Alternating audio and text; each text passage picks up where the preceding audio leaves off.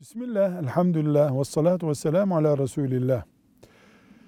Şöyle bir sorusu var kardeşimizin. Büyük bir günah işledim. Sonra pişman oldum, tövbe ettim.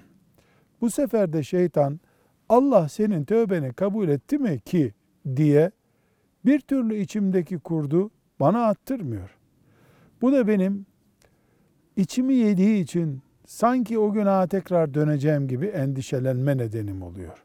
Tövbemin kabul olduğuna dair bir işaret bilebilir miyim? Elbette bilebiliriz.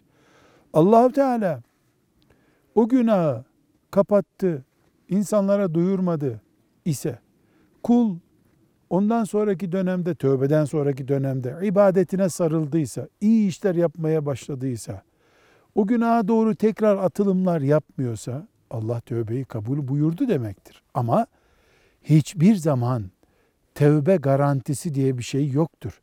Yani tövbe kul yapar, Allah kabul eder etmez o onun bileceği iş. Böyle bir garanti yok ama yüksek oranda umudumuz var.